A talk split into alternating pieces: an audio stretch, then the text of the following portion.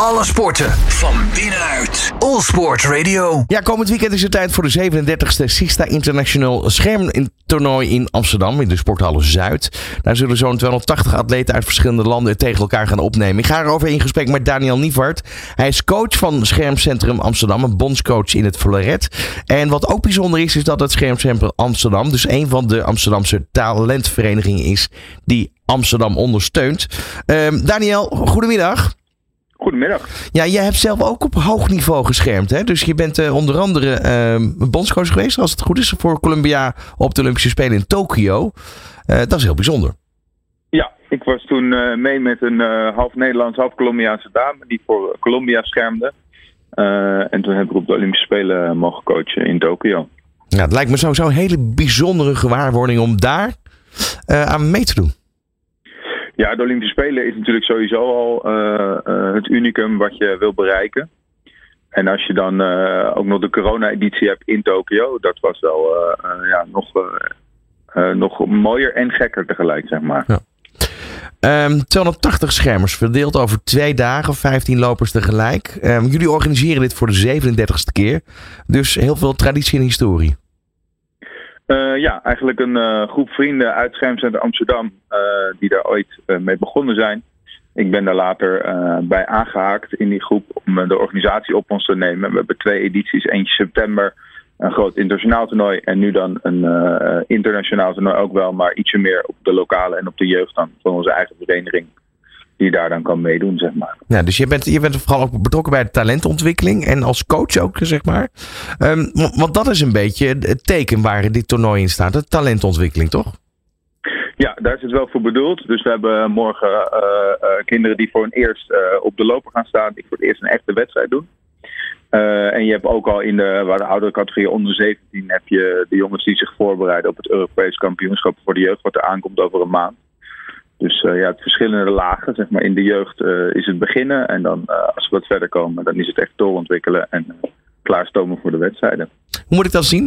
Is het zo dat talenten uit heel Nederland of hè, mensen uit heel Nederland kunnen komen kijken naar hoe die schermsport werkt? ja, het is open voor iedereen. Je kan zeker komen kijken. De tribunes zitten natuurlijk veel ouders. Maar het is ook open voor het publiek. Het is gratis toegang. Uh, en op zowel zaterdag als zondag uh, kan je gewoon komen. Ja, mooi is ook dat de nationale top aanwezig is. Onder andere Dirk-Jan van Egmond. Maar ik kan me voorstellen dat voor talenten dat er een enorme prikkel is. Dat ze eigenlijk ook die toppers uh, ja, om zich heen hebben.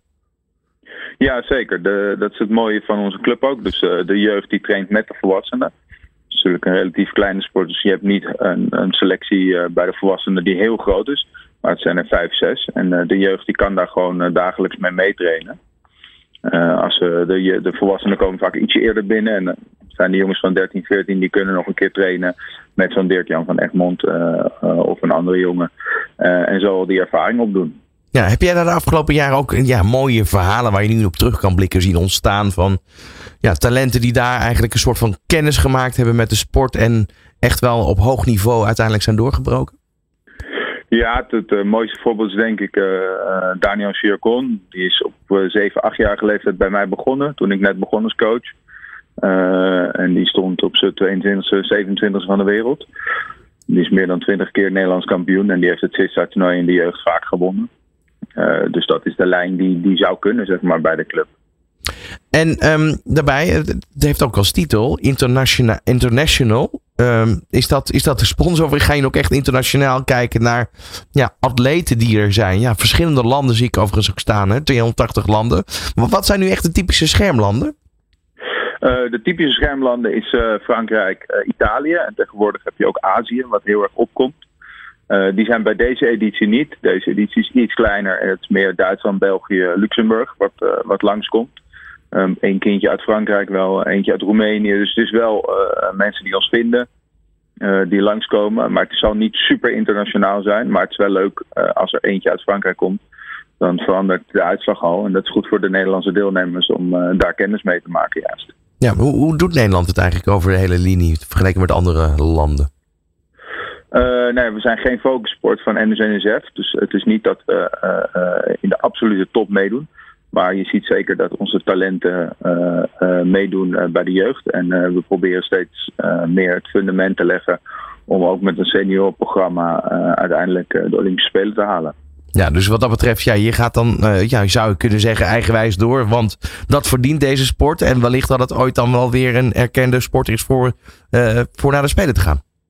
Ja, zeker. zeker. Nee, we, we blijven gewoon doorwerken uh, met de volgende groep talenten weer. Om te kijken hoe ver we kunnen komen. En als NSNSF ooit steunt, graag natuurlijk. En tot die tijd doen we het met de hulp van Topsport Amsterdam als talentvereniging. Blijven we ons ontwikkelen. Ja, en eh, hoe, valt die sport eigenlijk bij de jeugd? Want ik bedoel, ik kan me voorstellen dat op het moment dat je zoiets zou organiseren binnen uh, gymlessen op basisscholen, dat er toch wat meer aanraking is met deze sport. Ja, klopt. Nou, ik geef zelf uh, namens mijn bedrijf geef ik ook lessen op basisschool in Amsterdam. dat is vanuit de gemeente Amsterdam. En daar haal je altijd wel kinderen naar de club. Nou, zeker de jongetjes vinden het de eerste keer natuurlijk helemaal fantastisch. Want je mag met een floret door de zaal en je mag elkaar steken. Um, en uiteindelijk zie je ook wel dat daar kinderen van afkomen. Maar het blijft wel een kleine sport in Nederland, moet ik eerlijk. Ja, maar goed, aan de andere kant daardoor niet minder. Want een kleine sport betekent ook dat je elkaar kent. Ons kent ons. En dat is ook wel weer gezellig, toch? Ja, zeker. Nee, uh, van de deelnemers, de meeste ken je. soms is opeens een nieuw kindje of een nieuwe senior. Maar 280 deelnemers. ik denk dat ik bijna nee, 80% wel ken van de mensen die schermen in Nederland. Ja. En dat maakt het wel een hele goede sfeer altijd op de wedstrijd. Wat is een website waar mensen meer informatie kunnen vinden? Want dat is misschien toch wel handig, want het is gratis toegankelijk. Dus iedereen kan daar gewoon gaan kijken.